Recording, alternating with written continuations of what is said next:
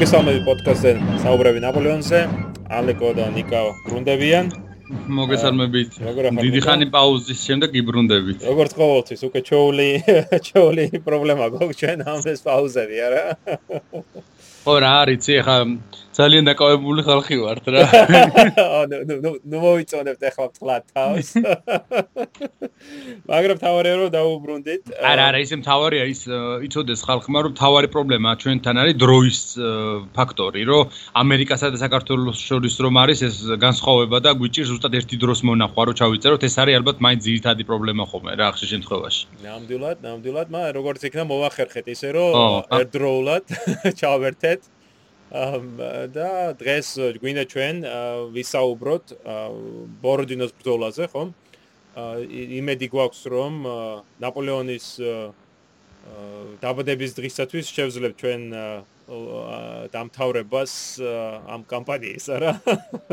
აა ნაპოლეონის დაბადების დღისთვის წესით უნდა კი, კი, უეჭველად. ჩვენ ჩვენ ტემპებით ხო იცი? ხო, მაგრამ ნუ პრინციპში ეხლა უფრო ზაფხული რო უფრო მოვიცლით მე მგონი. იმედი გვაქვს. ამ მოდი მაშინ შევუდგეთ საქმეს. ჩვენ წინა პოდკასტში ვისაუბრეთ ხომ კამპანიის დაწყებაზე, მოვლენებს ვილნასთან, სმოლენსკთან და დავინახეთ რომ ნაპოლეონის გეგმა თუმას გააჩნდა ეს და ჩვენ აღნიშნეთ რომ გრძელვადიანი გეგმა არ გააჩნდა, გააჩნდა უფრო მოკლებადიანი გეგმა. აა დრო ეს გეგმა ჩაშლილი იქნა და საპირისპირო შეიძლება ითქვას რუსებზე, ხო? რომ რუსებს უფრო გრძელვადიანი გეგმა აქვს. და ამ ამ გეგმის წარმატებით განხორციელებას ახერხებენ, ხომ? ნელ-ნელა იხევენ საზღვრისპირეთიდან. მართალია მოუწევთ უზარმაზარი ტერიტორიის დათმობა, ხო, უკვე სმოლენსკსაც კი გაცდნენ. რამაც ძალიან დიდი მღელთა ნებათა ღელვარება გამოიწვია როგორც ჯარში, ისევე საზოგადოებაში. და ბარკლაიდეტოლიც გადააყენეს ამის გამო და ეხლა უკვე კუტუზოვი უდგას სათავეში ამ ჯარს. მაგრამ ამ დროს უნდა აღნიშნო, რომ წარმატებული გამოდგა, ხო? იმ იმის გათვალისწინებით, რომ ნაპოლეონის ჯარი აა უკვე მებროთ უფრო შესუსტებული არის იმასაც შედარებით თუ რაც ის იყო ივნისში, ხო? ახლა კი, პრინციპში ჩვენ ხო ვილაპარაკეთ, რომ აი რა სირთულეები იყო ის კომუნიკაციები, ეს გრძელმანძილზე გაშლილი სამხედრო ის მთლიანად და ეს ეპიდემია შეეყარათ ამათ, ხო? ხო, პრინციპში ეს ყოველთვის თან ახლავს დიდი არმიების მოძრაობას და საერთოდ სამხედრო კამპანიებს, ამიტომ არ არის გასაკვირი ნამდვილად. ამჯერად უკვე ჩვენ ვართ სექტემბრის დასაწყისში. ან თუ ძველი კალენდრით ხო მსჯელობთ აგვისტოს მიწურულს. მაგ ძველმა კალენდარმა რა უქნა ერთხელ ავსტრიელებს გასულს არბად რუსებს. რაც ხოდა შორის აი კარგი მომენტი არის რომ ეგ არის მითი რომ ავსტრიელებსა და რუსებს შორის ხო ეს კალენდრის განსხვავება მოხდა და ეს აი ერთ წარმოიდგენ რამდენად გავრცელებული არის ეს ძალიან გავრცელებული თითქმის ყველა წიგში შემხედრია სადაც წამიკითხავს. არა და არ არის არ შესაძლებლობა სიმართლეს, იმიტომ რომ რუსებმა კარგად იცოდნენ ამ კალენდრის პრობლემა და ყველა თავის წერილს ორ ორ თარიღად ათარიღებდნენ. ანუ ეს აიდან გაჩნდა საერთოდ ესეთი ვიღაც აი მე უკვე რამდენი წელია ვცდილობ გავარკვიო მე, იმიტომ რომ ჯერ კიდევ ვესტპოინტში რო ავდიოდი ხო სასწავლებლად, იქ იყო ხოლმე რა, იქაურები მეუნებოდნენ ხოლმე, რომ აი ერთ-ერთი ძირითადი პრობლემა არის ეს და მე ვუმტკიცებდი რომ არა თქო გამორიცხულია და ვაჩვენებდი ანუ ეს დაახლოებით იცი როგორ არის გავრცელებული ის რო გავრცელდა ჩვენთან ამბავი რომ მას დიდგორის ბრძოლას ასწავლიდნენ იმაში რა ქვია ამერიკაში სამხედრო სასწავლებლებში როგორც სტრატეგიის ნიმუშად აი დაახლოებით ეგეთი ტიპის გავრცელების ამბავი ყოფილა ანუ მითი არსებობს და აშკარად ახალი ისტორიულად როგორ არის იცი უფრო აი მეორე მსოფლიო ომის დროს რო წარმოიშვა და გავრცელდა. ანუ არ არის ისეთი რომ ამ მიც ნახავ, თქვა მე-19 საუკუნეში გავრცელებულს არა, მაშინ ვერც ერთი არც ერთი ინგლისურენოვანი ამ ფრანგული გამოცემა მას არ აღნიშნავს. უფრო აი მეორე მსოფლიო ომის შემდეგ და გარკვეულწილად უფრო ინგლისურ მოსაუბრე წრეებში ვრცელდება ეს და მე აქედან გადავიდა მე ქართულში. სხვა შორის არც რუსულშიც არის რუსულ ისტორიოგრაფიაში ეს ეს იდეა არც არის დამკვიდრებული, იმიტომ რომ იმათაც კარგად იციან, რომ წერილებს ორ თარიღად ათარიღებდნენ მაგრამ კაი შევეშვათ ამას. აა ბოროდინოსთან რადგან საუბრობ თუ ძველი სტილით გაინტერესებთ არის 26 აგვისტოს მოვლენები მაგრამ ჩვენ ახალი სტილით ხომ ვიმსჯელებთ და ეს არის 7 სექტემბრის მოვლენები. ჩვენ ვართ მოსკოვთან ახლოს, ხო დაბა მოჟაისკსთან.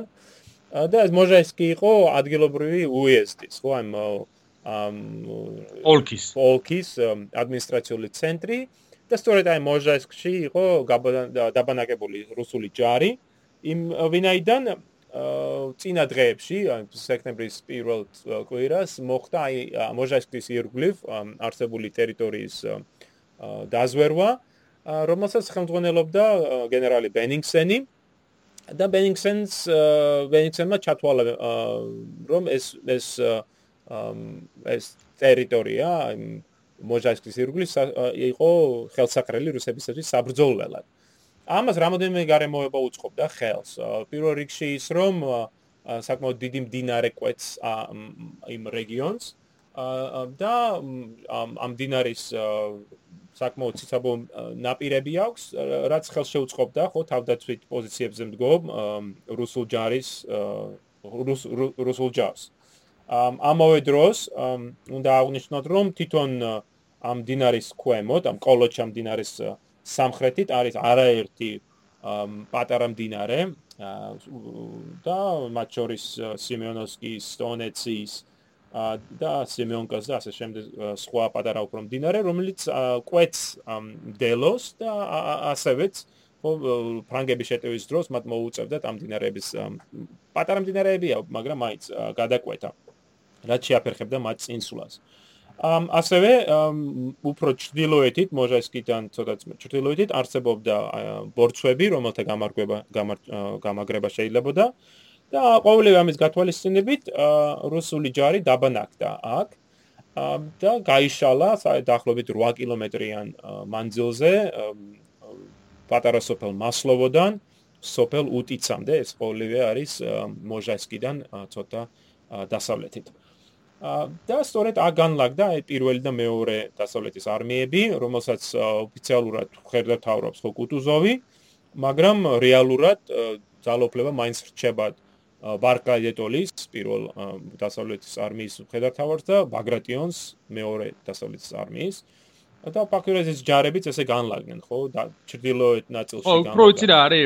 ალბათ ეს კუტუზოვის გამოყვანა ეს ბრძოლის ველზე არ იყო მხოლოდ სამხედრო თვალსაზრისით მნიშვნელოვანი გადაწყვეტილება. ალბათ ეს უბრალოდ ისიც იყო, რომ კუტუზოვი იყო მაინც ცნობილი და აი ძველი თაობის რუსი გენერალი, რომლის დროსაც ძალიან დიდი ისეთ სამხედრო ოპერაციები ჰქონდათ რუსებს შეტარებული და რაღაც გარკვეული სიმბოლური დანიშნულებაც ჰქონდა.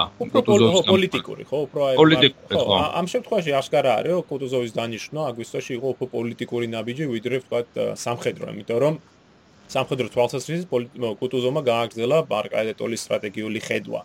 მაგრამ პოლიტიკურად უფრო მისაღები პიროვნება იყო, იმიტომ რომ ჩვენ აღნიშნეთ ხო წინა პოდკასტში ბარკაიტოლის ხო ბარკაიტოლის ძალიან დიდი წინააღმდეგობა შეხვდა ხო გერმანელი არის ის კი გამოუქეკეს ხო. ხო. გერმანელი და ან ისიც არის საინტერესო რომ ბაგრატიონიც კი აი ამ უცხოელობის იმითი ამახვილებდა ყურადღებას თვითონ თვითონაც რო უცხოელი იყო მაგრამ ძალიან ისეთი უფრო რუსად მიიჩნეოდა ბაგრატიონი ვიდრე ბარკლაი აბსოლუტურად. ამ სხვა შორის მე დაწერილი მაქვს სტატია რომელსაც სათაურად დაუდე გენერალთა შეთქმულება. და აი აღწერილი მაქვს მოვლენები ამ აგვისტოს სმოლენსკთან სმოლენკამდე სმოლენსკში და შემდეგ სმოლენსკის შემდეგ როდესაც მართლაც თითქოს და შეთქმულება ხდება ვარკლაიდეტოლის წინაამდე რო გადააყენონ. და მას ამას ყოველივე სათავეში უდგას ბაგრატიონი და იქ არაერთი საინტერესო ციტატა მაქვს რომელსაც აშკარად ჩანს რომ აი ბაგრატიონი წარმოშობით ქართველი არის რუსოფილი კი არა, რუსული იმპერიული სულისკვეთებით გამსჭოლული პიროვნება. ხო, ძალიან მიკვირს ხომ ისე ასე ასე ძალიან რანაირად ქონდა გამჯდარი, ასე რუსული აა სულისკვეთება მით უმეტეს ხო რამდენი ხანი იყო მაგათ მის წინაპრები წასული რუსეთში და ცხოვრობდნენ, რომ ასე ასე გარუსებულიყო. ხო, შეიძლება დიდი ხნის წასულები არ იყვნენ, იმიტომ რომ მე ხა მე დიდი ხნის დიდი ხანის დიდი ხნის განმავლობაში მიჩნეული იყო, რომ ბაგრატიონი დაიბადა კიზლერში, მაგრამ აი ჩემი ციგნისთვის როცა ვიკვლევდი ამას, მე ფიქრობ, საბუთების მიხედვით რომ დავათარიღებდი და ასე შემდეგ რომ ბაგრატიონი თვითონ სავარაუდოდ საქართველოში დაიბადა ალბათ თბილისში და მე მისი ოჯახი გადასახლდა მე წავიდნენ ყიზლარში ხო ანუ უბრალოდ გაიზარდა ყიზლარში მაგრამ აი ბაგრატიონი ეკუთვნის სწორედ იმ იმ ხალხ იმ ხალხს, რომელმაც გაითავისა ეს უცხო ქვეყანა, ამ შემთხვევაში რუსეთი და იმ გამოთქმის არ იყოს, პაპზე უფრო კათოლიკე გახდა, აი მართლა რუსზე უფრო შოვინისტური რუსი გახდა.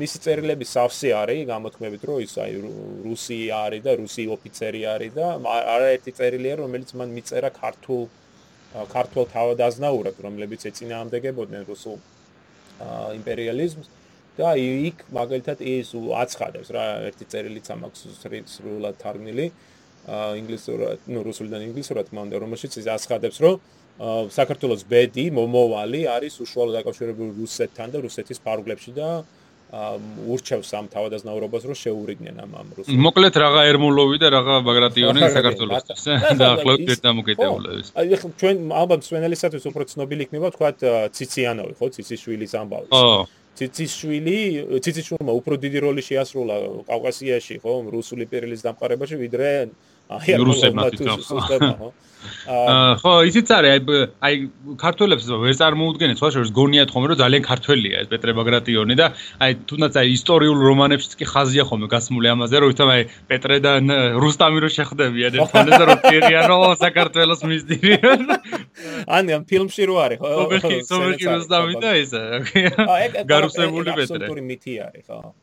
და ნუ რასაც გვაჭმევდნენ და გვასწავლდნენ და ხო ხუჩა და გოჩას ავიტაღავთ გამოყვანილი. აა მოკლედ ბაგრატიანი არის აქ. აა ბაგრატიანი აი გარკვეულწილად ქართველობდა სავით. იმ შემთხვევაში, ნუ იმ იმ გაგებით რომ იცოდა რომ ქართველია, ნუ შესახედავად ქართველი არის. ო. საერთოდ განსხვავდებოდა ყველა. სკვერი კონდა ხო ქართული და ამაზე არაერთი უმრობა არსებობდა. აა ერთი მახსენდება რომ 1807 წელს არის.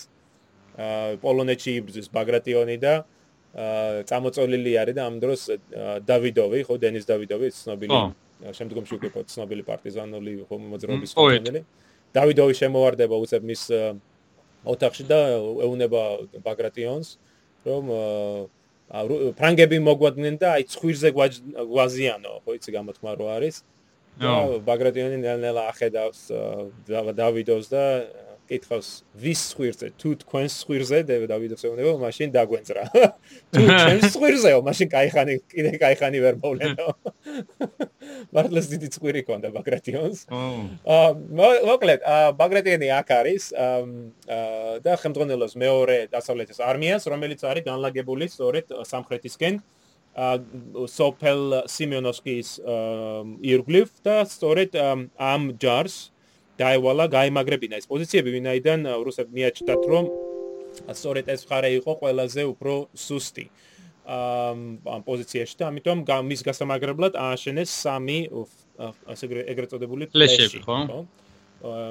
თავდაცვითი ნაგებობა, რომელიც არ იყო დასრულებული ბრძოლის დაწყებამდე, უფრო ნაწილობრივ აშენებული იყო.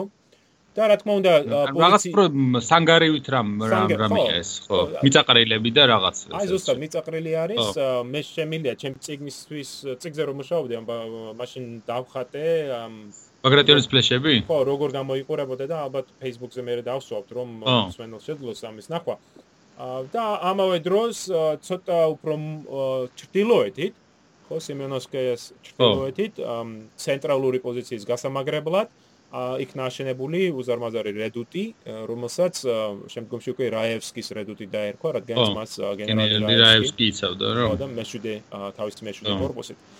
ამ ნაპოლეონის ჯარი მიოახლოვდა რუსულ პოზიციებს 5 სექტემბერს და ნაპოლეონმა შეისწავლა პრუსული პოზიციები და დაუყოვნებლივ შეუტია მათ, რის გამოც აა ხდება ეგრეთ წოდებული შევარდინოს ბრძოლა ბრძოლა 5 სექტემბერს რომლის დროსაც ფრანგებმა შეძლეს რუსული პოზიციების უკან წაწევა რუსული ჯარის მარცხენა ფლანგი რომელსაც ბაგრატიონი ხელმძღვანელობდა იძულებული იყო დახეულიყო უკან.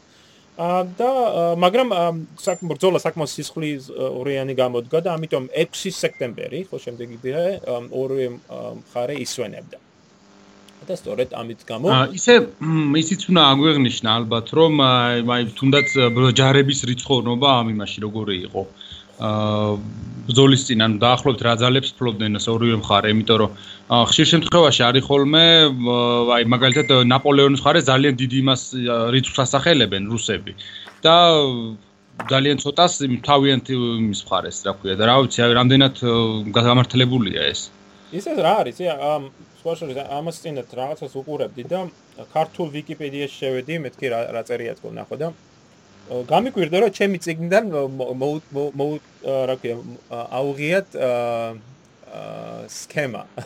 ზუსტად ზუსტად სიტყვაზე თქვი რომელშიც გაანალიზებული მაქვს რამოდენმე ათეული მე მგონი ორი ათეულია თუ არ ვწდები წყარო იმის დამიხედვით თუ რა სამბობენ ისინი ამ ჯარის ოდენობაზე საკმაოდ საინტერესო მონაცემებია. მაგალითად თუ ხედავ თუ შევხედათ ბუტურლინს დიმიტრი ბუტურლინ რომელიც საკმაოდ მნიშვნელოვანი რუსი ისტორიკოსი იყო ხო მე-19 საუკუნის დასაწყისში. მას მიაჩნდა რომ ფრანგებს გააჩნდათ 190000 ჯარი მაშინ როდესაც რუსებს 122000 კაცი ყავდათ. ანუ უფრო ფრანგების უპირატესობაზე იყო გამახვილებული ყურადღება. ფრანგები პირიქით ამბობდნენ ხო მე-19 საუკუნის განმავლობაში თუ ფრანგულ წერლებს შევხედავთ მაშინ თქვა სეგიურ შამბრეის ფეინს, მარბოს და სვებს ისინი ამტკიცებდნენ რომ ფრანგებს ფრანგები უმცირესობაში იყვნენ დაახლოებით ისინი 100 120000 კაც კაც ფიქრობარაუდობდნენ მაშინ როდესაც რუსებზე 120000-ზე კაცზე ამბობდნენ. ა რუსები თუ შევხედათ საბჭოთა ისტორიოგრაფიას დავინახავთ რომ როგორც წესი ფრანგებს აძლევდნენ უპირატესობას და ამბობდნენ რომ მათ გააჩნდათ დაახლოებით 120000 მაშინ როდესაც რუსებს დაახლოებით 120 125000 ა უკანასკნელ წლებში დაახლოებით ბოლო 20 წლის განმავლობაში რუსეთში საკმაოდ საინტერესო გამოცემები დაიწერა საარქივო მასალას დაყნობით. მეც ახლა ჩემ ციგნისათვის არქივში შევძელი მუშაობა და ნახე მასალა და დღეისათვის აშკარა ხდება რომ რუსული რუსულ ჯარს გააჩნდა დაახლოებით 154000 კაცი და ამაში შედის რუსული აი ეს ოპოლჩენიაც ხო? ანუ მოხალისეობის პრინციპით რო იყო შეკრებილი ხო. ხო მათი თქვა მილიცია რა უფრო. აი ზუსტად ხო. ახლა არ ვიცი რამდენი ფრანგების მხარეს უფრო რამდენი იკვეთება ხო აი ხო ჯერ რუსებზე დავამთავრე რომ აი თქვა 154000 რომც იყოს თუ ამ აქ იყოს დაახლოებით 12000 ოპოლჩენია. აი აპოლჩენიას ხო იცი ნიშნულობა იმის დამ დაბალია ხო ხო. დაბალია ხო იმის გათვალისწინებით რომ ესენი არიან ფაქტურად მოხალისეები და დაბიო კლასიდან ხო რომლებიც წაყვანილი იქნენ წვრთნის garaშე რა ხო იაშვილიც ხო იყო მათ შორის? ხო ხო აი სანქტ-პეტერბურგის ოპოჩენიას ხელმძღვანელობდა. ამ და ფრანგების ხარეს აშკარა არის რომ მათი თლიანი ჯალა ძალა იყო და 125000 ამ ამ ამ აქ ისიც უნდა გავითვალისწინოთ რომ ამ 115000 ჯარი ჯარისკაციდან ნაპოლეონმა მხოლოდ არ გამოიყენა ხო იმპერიული გვარდია ხო. რის გამოც საბოლოოდ მათი მათ საბოლოოდ ფრანგული ჯარის ოდენობა რომელმაც მიიღო მონაწილეობა ჩემი აზრით და მე ამაზე წერილი ჩემ წიგნში რომ სავარაუდოდ დოლარში უშუალოდ მიიღო მონაწილეობა დაახლოებით 110 112 კაცმა ხო, ну guardia პრინციპში მართლაც არ ჩაურთავს და რეზერვში დატოვა. მიუხედავად იმისა, რომ თხოვდნენ ძალიანაც. ხო, ну ამ მაგაზეც ვისაუბრეთ, რომ სხვა აქვს ხო, რა თქმა უნდა, ამას მიზეზები არის. მიზეზები არის, რა თქმა უნდა. ანუ რუსებს გააჩნდათ უპირატესობა, რიცხობრივი უპირატესობა. მის უპირატესობაც ჰქონდათ, რომ თავდაცვით პოზიციებზე იყვნენ. ასევე ისიც რომ მათ გააჩნდათ 636 ქვემეხი, რომელიც განლაგებული ამ თავდაცვით პოზიციებზე, მაშინ როდესაც ნაპოლეონის ჯარს 587 ყავდა თქო, ხო? დიო, ფრანგულ ჯარს 587, აჰა, 587. ან დაახლოებით აა 60 თუ ხო 60 ხო დაახლოებით 60 ქვემეხის განსხვავება არის, ხო? აა თქვა შეიძლება ძალიან დიდი რიცხვი არ არის, მაგრამ მაინც საგზნობი განსხვავება არის. თუმცა ხო ვინ როგორ იყენებდა артиლერიას, იმასაც ხო გააჩნია. ხო, რა თქმა უნდა. სხვა შორის ისიც არის აღსანიშნავი, რომ საბოლოოდ ფრანგულმა артиლერიამ აჯობა ამ ამ შემთხვევაში თავის დამიზნებითი ხო ცეცხლით აჯობა სხვა შორის რუსულ артиლერიას. და ну ამაზე მე არ ვისაუბრე აუდანა კარგებზე როცა აღნიშნავ. საინტერესო რა არის ასევე ის ის გარემოება რომ ჩემ ციკლზე რომ მუშაობდი მე დავჯექი და გავაანალიზე ორივე ჯარში მყოფი ოფიცრების ოფიცრები რამოდენმე ასეული ოფიცრის ბიოგრაფიული მონაცემები მოვიძიე და ჩამო ჩამო უფრო quantitative ხო არის ქართულად როგორ არის quantitative მაგრამ აი ანალიზი გავაკეთე რომლის შედეგად იკვეთება რომ ფრანგ ნუ ალბათ აშკარაც იყო ეს მაგრამ მაინც ვიცი სხვა არის მაინც რომ სამეცნიერულად შეხედა ამას. რომ ფრანგი ოფიცრები საშუალოდ უფრო ახალგაზრდები იყვნენ. დაახლოებით 42-43 წლის საშუალო ასაკი ეს გენერლებს შორის დაბალი ოფიცრებს შორის უფრო კიდევ უფრო ახალგაზრდები არიან და მათ უფრო გამოცდილების ხრივ წლოვანობის ხრივ უფრო ნაკლები გამოცდილება აქვს დაახლოებით 25000 საშუალო 25 წელი პროსტორით საშუალო გამოცდილება. მაშინ როდესაც რუსულ ჯარში გენერლებს შორის საშუალო ასაკი არის 46-48 წელი ხოლო გამოცდილება წლების მიხედვით არის დაახლოებით 32 წელი მაგრამ აი ამ ამ რიცხვებში არის ერთი რამ აღსანიშნავი რომ რუსთა უმეტესობა მიიღო თავის გამოცდილება თურქების, პოლონელების და შვედების წინააღმდეგ ბრძოლაში. ახლა არ მინდა არც ერთი დავაკნინო, მაგრამ ხო ცხადია რომ არც თურქები და არც პოლონელები და შვედები არ იყვნენ ხო სამხედრო რევოლუციის, რომელიც ამ პერიოდში ხდება, ხო მოწინავე რიგებში. მაშინ როდესაც ფრანგები სწორედ იბრძვიან აი პირველ ხარისხოვანი აი ავსტრიელებს, პრუსიელების წინააღმდეგ, ბრიტანელების წინააღმდეგ და სწორედ აი საფრანგეთში ხდება ხო ეს სამხედრო ცვლილებები და ფრანგები სწორედ აი მოწინავე რიგებში არიან ამ ხრევ. ამ და ეს საკმაოდ მნიშვნელოვანი ფაქტორი არის აქ. ამ ასევე აღსანიშნავია ისიც რომ მაგალითად ამ 500 აი დაახლოებით რიცხვები რომ მოვიყვანო ხომ? რუსულ ჯარში მაგალითად 580 580 ოფიცერს ქონდა მონაწილეობა მიიღებული 3 3-დან 5 ბრძოლაში. 692 ოფიცერს დაახლოებით 33%-ია სრული თლიანი ოდენობის მიღებული ქონდა 6-დან 10 ბრძოლაში ხოლო 350 ოფიცერს დაახლოებით 16%-ია თლიანი ოფიცერთა корпуსიდან ქონდა 11-ზე მეტ ბრძოლაში მონაწილეობა მიღებული, ანუ აი რომ შევხედოთ, ხო, გამოცდილების მიხედვით რუსეთ რუსული ოფიცერთა корпуსის საკმაოდ ცირე ნაწილი დაახლოებით 18%-ს ჰქონდა მიღებული აი ეს მნიშვნელოვანი საბრძოლო გამოცდილება. 11-ზე 11-12 ბრძოლაზე უფრო მეტი. რამოდენმეს სხვა შორის იყვნენ 6 ოფიცერი, რომელსაც თითოეულს მიღებული ჰქონდა 2 36 36-ზე მეტ ბრძოლაში, ხოლო ორ ოფიცერს მონაწილეობა ჰქონდა 45 ბრძოლაში მიღებული, საოცარი არა? ალბათ უდინოც იყო მაგ მაგაც. არა, ეს რუსებზე არის, აა რუსებზე ამბობ, ხო? აა ფრანგებსთან რიცხობრივად უფრო ნაკლები არის აი ეს ბრძოლებში მონაწილეობა, მაგრამ დაახლოებით აა მაინც საბოლოოდ მათი გამოცდილებას უფრო მეფიქრობ უფრო მნიშვნელოვანი მხრივ რომ მათ გაიარეს აი რევოლუციური ომების წიაღში და გამოდიან ხო რამაც დიდი მნიშვნელობა იქონია მათ როგორც სამხედრო ხო ტაქტიკურ მიდგომაზე, ოპერაციულ მიდგომაზე და ასე შემდეგ. ა მოკლედ ბრძოლა ხო ჩვენ თქვით რომ გადაიდოთ 6 სექტემბერს არ ჩატარდა ორივე მხარე ისვენებდა ფრანგები ემზადებიან ბრძოლისათვის რუსები ატარებენ სხვა სხვა ღონისძიებას, მათ შორის აი ეს ცნობილი ხო, როდესაც საბრძოლოება მოვიდა დიდი სამბით ბრძოლის ველზე და ხატის ველობები ჩაატარეს.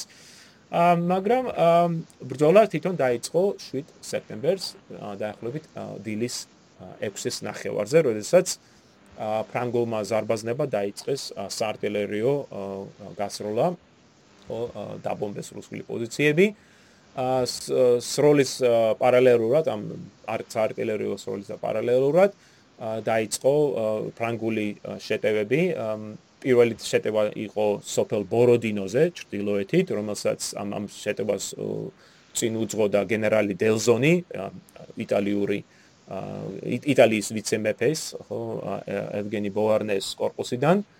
ამ სოფელს ბოროდინოს იცავდა სხვა შორის საკმაოდ ელიტარული ქვედანაყოფი, ლეიბგვარდია, ეგერთა ლეიბგვარდია რომელსაც სათავეში ედგა რუსი პოლკოვნიკი ბისტრომი და მათ მართალია თავდაპირველად იძულებული იყვნენ უკან დახეულიყვნენ მაგრამ შემდეგ დამხმარე ძალის მიღების შემდეგ დაიბრუნეს პოზიციები და აქ ბრძოლა შეჩერდა ამ ამ დილით უფრო გააფთრებული ბრძოლა ხდება სწორედ ბაგრატ ეგრეთ წოდებულ ბაგრატიონის ფლეშებთან.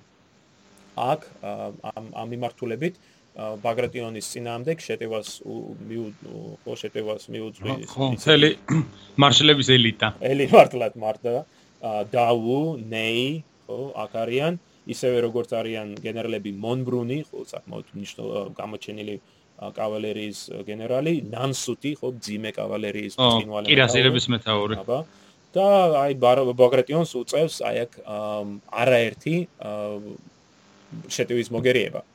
აქ მინდა ერთი რამ აღნიშნო, რომ საბჭოთა ისტორიოგრაფიაში და გარკვეულწილად ქართულ ისტორიოგრაფიაში უკვე დიდი ხანია დამკვიდრებულია ეს მოსაზრება, რომ ბაგრატიონმა მოიგერია 8 შეტევა. აა რითაც ხო იცი ხას უსვავდნენ, აი რამდენად გააფრებული იყო ბრძოლა და რამდენად მამაც სულ დაცვას უწევდნენ, აბრძოლას უწევდნენ რუსები. აა ეს ეს მითი არის. ანუ რვა რვა შეტევა ნამდვილად არ მომხდარა. ერთი ეგ იყო რვა შეტევა და მეორე თემურლენგის შემოსევა რვა ჯერ საქართველოში. მაიცა კაცო. ძირს შენ ძირს უთხრი ახლა ის. აა მაგრამ აი სწორედ მაგის გარკვეულწილად მართალი ხარ ახლა ზოგიერთი შემოსევა ხო იმ თემურლენგის შემოსევა რამდენად შემოსევა შეიძლება ჩაითვალოს, ხო? სწორედ იგივე იმდა შეიძლება ითქვას აი აი ამ ფლეშებზე. ზოგიერთი შეტევა, რომელსაც საფრთხე ისტორიო ისტორიკოსები თვლიდნენ ძლიერ შეტევად, სინამდვილეში იყო აი პოლკის დონეზე, ხო, პოლკის დონეზე ჩატარებული ადგილობრივი შეტევა. ეხლა ამასე თუ ყველაფერს ჩავჭვლით, ხო, ყველა წინ წინსვლას, მაშინ 8-ზე მეტი გამოგივა. მაგრამ ფრანგულ ისტორიოგრაფიაში, ინგლისურ ენოვან ისტორიოგრაფიაში ჩემს ციკლშიც მე უფრო საუბრობ აი 4 ძლიერ შეტევაზე. და შემდეგ ამ 4 შეტევისში ხო იცი ფარგლებში შეიძლება დაინახო 6 6-ზე მეტი სხვა შორის უფრო მცირე შეტევა. აი ეს 4 ძლიერი შეტევა იყო წამოწყებული ბაგრატიონის პლეშების წინამდე ბაგრატიონი მართლაც გააფრთხებით იცავდა ამ ამ პოზიციებს საკმაოდ კარგად იცავდა სხვა შორის იმიტომ რომ მის მის წინამდე საკმაოდ დიდი ძალა იყო გაგზავნილი. მათ შორის ხო როგორც აღნიშნეთ დავუს პირველი корпуსი რაც თვითონ ეს ფაქტორიც საკმაოდ მნიშვნელოვანია იმიტომ რომ დავუს корпуსი იყო საუკეთესო დიდ არმიაში. ბწყინვალეთ გაწვრთნილი ბწყინვალე მომზადებული ბწყინვალე გენერლები ისეთი გენერლები როგორც იყო კომპანი იყო და გუდე გუდენი კუდარი უკვე, მაგრამ მაინც იყო ყოველ შემთხვევაში აქ, მაგრამ ამ შემთხვევაში მორანი და კომპანი უცხებიან ამ შეტევებს და ბაგრატიანმა შეძლო ამ ამ შეტევების მოგერიება დილის განმავლობაში. ანუ როგორც ნახეთ, ბრძოლა დაიწყო დაახლოებით 6 საათისათვის. და აი 11 საათამდე ბაგრატონი მართლაც გააფრთხებით იცავს ყოველივე ამას. აა შემდეგ ნაპოლეონი იძულებული იყო გაეგზავნა ნეის корпуსი, ხო, ნეის მესამე корпуსი, რომელმაც ასევე ვერ შეძლო დიდი წინსვლა, მათ ჩაიგდეს ერთ-ერთი ფლეში, მაგრამ როგორც ასეთი ბაგრატიონის უკუგდება ვერ შეძლეს. რამაც აიძულა ნაპოლეონი გაეგზავნა მიურატი, ხო, მარშალი მიურატი, თავისი კავალერი თურთ, მაგრამ აქაც გააფთრებული ბრძოლა გაჩაღდა არის ძალიან საინტერესო ლიტოგრაფია რომელიც ასახავს აი მიურატი როგორ იბრძვის აი ფლეშებ შორის ხო გააფთრებულ ბრძოლაში შუაში. ეს მიურატი გას ძალიან გამორჩეულად ხო ეს ყოველთვის გამორჩეულად ჩაცმული იყო მაგრამ აქ მართლა აშკარად სამიზნე იყო რუსული ჯარისათვის გასაკვირია მართლა როგორ გადარჩა მიურატი უვნებლად. ო, საერთოდ უფრო იღბლიანი იყო მიურატი, ვიდრე მაგალითად იგივე უდინო ან სხვა მასშტაბი, იმიტომ რომ ხო სულ ბზოლის ქართეცხში იყო, მაგრამ იშვიათად რო დაჭრილი იყო ასე ძიმე. ამ ამ შემთხვევაში დავუ დაიჭრა, ხო? აკა. ო, კანტუზია მიიღო საერთოდ. კანტუზია მიიღო ნამდვილად. მაგრამ მიურატი გადარჩა. ა ბოლოს დაახლოებით შუა დღისათვის უკვე იკვეთება რომ აი რუსულ ჯარს ბაგრატიონის ჯარს არა აქვს საკმარისი ძალა დარჩენილი და ის ითხოვს დახმარებას და ამ დროს კუტუზოვმა მიიღო გადაწყვეტილება გაეგზავნა გენერალ ბაგოვუტის მეორე корпуსი რუსული პოზიციების უკიდურესი მარჯვენა ფლანგიდან ბაგრატიონისთვის დასახმარებლად ამ корпуს დაახლოებით საათ 9:00 და დაახლოებით 2 საათი დაჭირდა რომ შეეცვალა ეს პოზიცია, მაგრამ ის დროულად მივიდა, ზუსტად იმ დროს მივიდა, როდესაც ბაგრატიონს უჭირდა. აა და ბაგრატიონმა გადაწყვიტა წამოეწყო უკუ ხო ვიცი კონტრშეტევა. ხო. ფრანგებს წინააღმდეგ. რათა დაებრუნებინა ეს დროებით დაკარგული ფლეშები და სწორედ აი ამ კონტრშეტევის დროს, როდესაც ის მიუძღვის ამ ამ შეტევას ის დაიჭრა საკმაოდ ძიმეთ ხო? ხო, ის მოხდა რა, პუმბა, პუმბარა ხო? პუმბარა აფეთქდა და ნასხლეტი ამ პუმბარის მოხდა მას ფეხში. ამ გარედან როდესაც ну გადმოვარდა ბაგრატიონი ცხენი უпроსორი თითქმის واردებოდა როდესაც ერთ-ერთმა მისმა ოფიცერმა დაიჭირა ბაგრატიონი და გამოასვენა როდესაც პირველი დახმარება აღმოუჩინეს და შეხედეს ფეხს მხოლოდ პატარა ჭრილობა ეტყობოდა გარედან და არ მიიჩნიეს სერიოზულად ეს ჭრილობა. მიუხედა და უკან გაასვენეს და ხო პირველადი დახმარება აღმოუჩინეს მაგრამ აი სწორედ ამ მომენტში აა ექიმებმა დაუშვეს შეცდომა რომ კარგად არ შეისწავლეს ეს ჭრილობა. ალბათ გასაკვები მის ინო ახლა მე მესმის ამ ბრძოლის წიაღში ეს არეულობა ხო ყველაფერი არ მიაქცია საკმაოდ ყურადღება და ვერ შეამჩნიეს რომ ეს არ იყო უბრალოდ პატარა ჭრილობა, არამედ ეს ნასხლ ამ ნასხლებმა შეძლო ძვლების დამსხრევა დაგრეტიონის ფეხში. მომდევნო ორი კვირის განმავლობაში მას არ აღმოუჩენენ შესაბამის დახმარებას და ამის გამო ბაგრეტიონს გაუჩნდება ეს განგრენა. შემდგომში უკვე როდესაც ჩაუტარდება შესაფერისი კვლევა, ნუ შემოწმება თვითონ თვალშორის იმპერატორ ალექსანდრეს კერძო ექიმა ვილიამ ჩაუტარეს კვლევა და მისი დასკვნით საჭირო იყო ფეხის ამპუტაცია, რაც თვალშორის გაუკეთეს კიდევაც, მაგრამ უკვე გვიან იყო ვიდან ამ განგრენის გამო საბოლოოდ ბაგრატიონი გარდაიცვლება სექტემბრის მიწურულს. ამ ბაგრატიონის სიკვდილმა ახლა ძალიან ხშირი არის რომ საუბრო რაღაცა საფრთხე ისტორიოგრაფიაში რომ აი ბაგრატიონის სიკვდილმა ძალიან დიდი ზეგავლენა იქონია ჯარზე თანამედროვეებიც აღნიშნავენ ამას რომ ერთ-ერთი აღნიშნავს რომ აი ბაგრატიონთან ბაგრატიონის დაჭრისთან ერთად თითქოს სულისკვეთება დაუკარგეთო ერთ-ერთი ოფიცერი აღნიშნავს სერგეი მაევსკი თავის ჩანაწერებში. მაგრამ მაინც რუსები აგრძელებენ ამ თავის პოზიციების დაცვას და მას ისინი საკმაოდ წარმატებით შეძლებენ ამას. მართალია ბაგრატიონის ხოლმე მეორე არმია იძულებული იქნება დაიხიოს უკან სიმენოსკაიასთან, მაგრამ ისინი შეინარჩუნებენ ამ ხას. ფრანგები ვერ შეძლებენ მის გარკვევას. ამიტომ დაახლოებით შუა დღეს ნაპოლეონი მის ბრძანებას იერეში მიიტანონ რუსების ცენტრალურ პოზიციაზე, სადაც იყო აი ცნობილი რაევსკის რედუტი. და სწორედ აქ უზარმაზარი ბრძოლა გაჩაღდება, როგორც რომელშიც მონაწილეობენ მონაწილეობას მიიღებს როგორც ქვეითი ჯარი, ასევე კავალერიაც წარმოიდგინე, კი კირასირები კირასირები შეძლებენ ამ რედუტის სტორმით აღებაზე. ეს უბრალოდ წარმოიდგინეს რას რას გულისხმობს, ხო? ჯერი ქვეითი ჯარის შეტევა, მე მას უკუაგდებენ და შემდეგ ეს ცხენოს შევარდებიან. მართლაც გააფთრებული ბრძოლა ხდება ამ რედუტთან.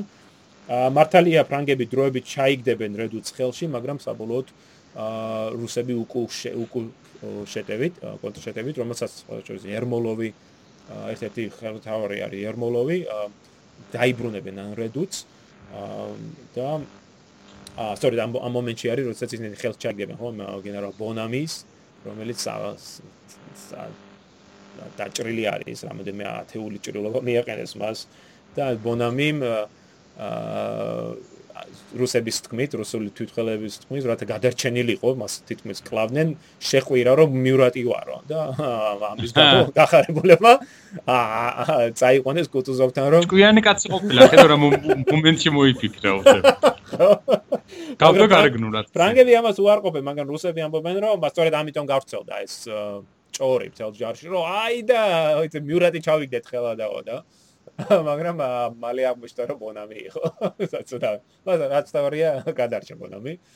აა მოკლედ ბრძოლა მძვინვარებდა, ხო, ბრძოლა მძვინვარებდა თითქმის საღამოს 7 საათ, 7 საათამდე. ამ აქ არაერთი საინტერესო მომენტი ხდება, თუნდაც ის რომ მაგალითად შუადღის შუადღისათვის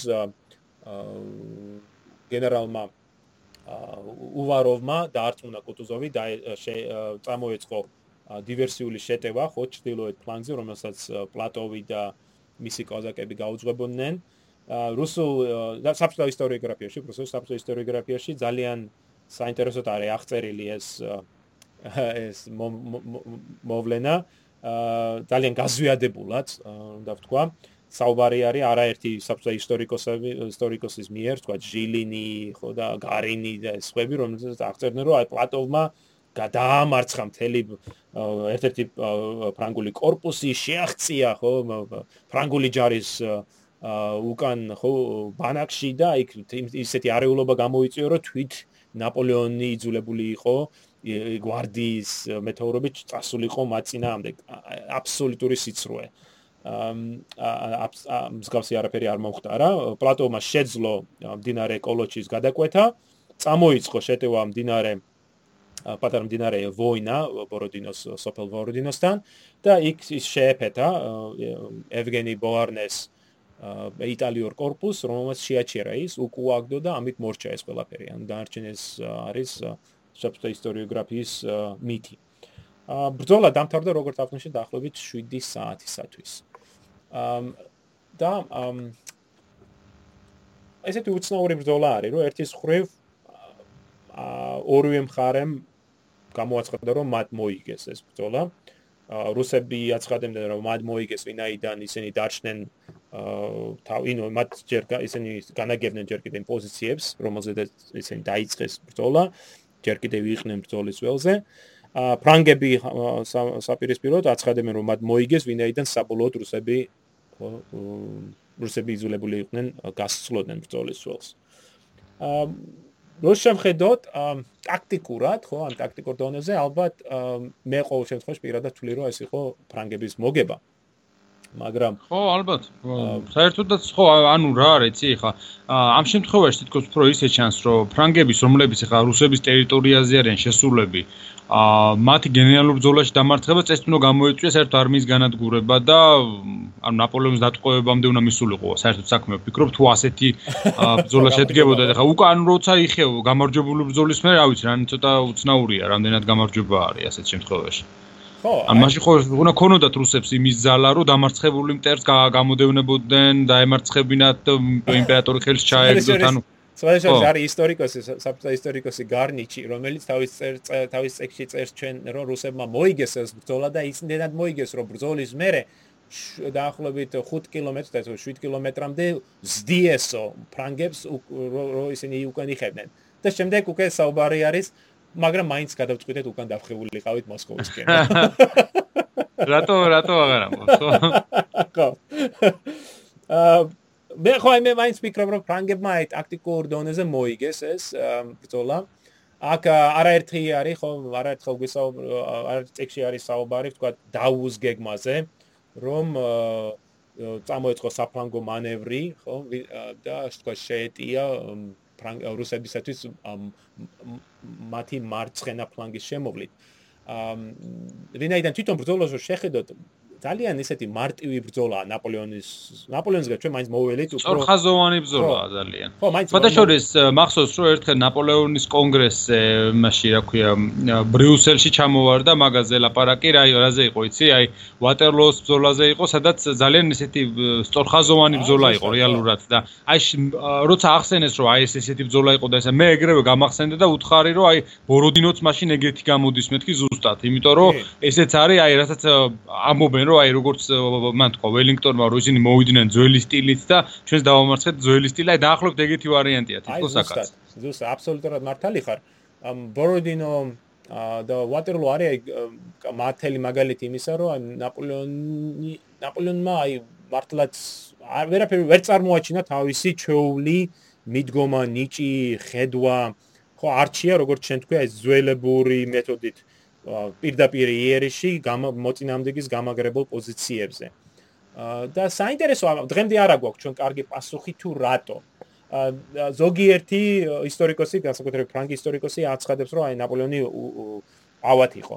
მართლაც იმ დღეს მართლაც იყო ავად. თქვა შორის ვატერლოს დროს დროსაც ავად არის, ისე როგორც ბოროდინოს დროს. მე ამას არ ვთვლი გადამწყვეტ ფაქტორად. ეხლა შენ თუ ხარ გენიალური ხედარ თავარი, როგორც ჩვენ ყველა მივიჩნევთ მას, აი ის თქვა ყელი თუ ტკივა და დოლას ვერ აწარმოებ, ნუ აი ცოტა უსუსური არ ჩემ ჩემთვის ცოტა უსუსური არგუმენტი არის. ამ მე უფრო გადამწყვეტად ვთვლი იმ გარემოებას, რომ ნაპოლეონი შიშობდა, რომ რუსები ისე უკან დაიხებდნენ. და სწორედ ამიტომ როდესაც დავუს თავაზობს მას უფრო აი მობილური შემოუვაროთ ხო? შემოუარო და საფლანკო მანევრით, აი უფრო ტრადიციულ ნაპოლეონის მიდგომა, როგორც ჩვენ წარმოგვიდგენია, ხო, აი მანიოვსულა დერიერ, როდესაც ნაპოლეონი წინ და შეუტევს და ამავე დროს ჩუმად უკან უტევს. აი ეს დოსორეთ ამას თავაზობს და უ ნაპოლეონი შიშობს, რომ ეს საფლანკო მანევრი აიძულებს რუსებს უკან დაიხიონ და ღმერთ ღმერთ მაიცის რამდენი ხანს გააგრძელებენ ისინი უკან დახევას, ხო? უკვე რამდენი ასეულობით კილომეტრი გამოიარა რუსეთში და როგორც იქნა აი ეს გადამწყვეტი ბრძოლა აქვს და მას სურს ეს ბრძოლა. მაგრამ ამ ამ ამას ამას რა თქმა უნდა მოყვა ის რომ ორივე მხარემ ძალიან ძიმე დანაკარგი განიცადეს. ბოროდინოს ბრძოლა იყო რევოლუციური და ნაპოლეონის ომების ყველაზე სისხლიანი ოსისხლის მრელი ბრძოლა ამ დროისათვის, ხო? შემდგომში ლაიფციგი გადააჭერბებს ამას, მაგრამ ამ დროისათვის ყველაზე სისხლის მრელი ბრძოლა არის.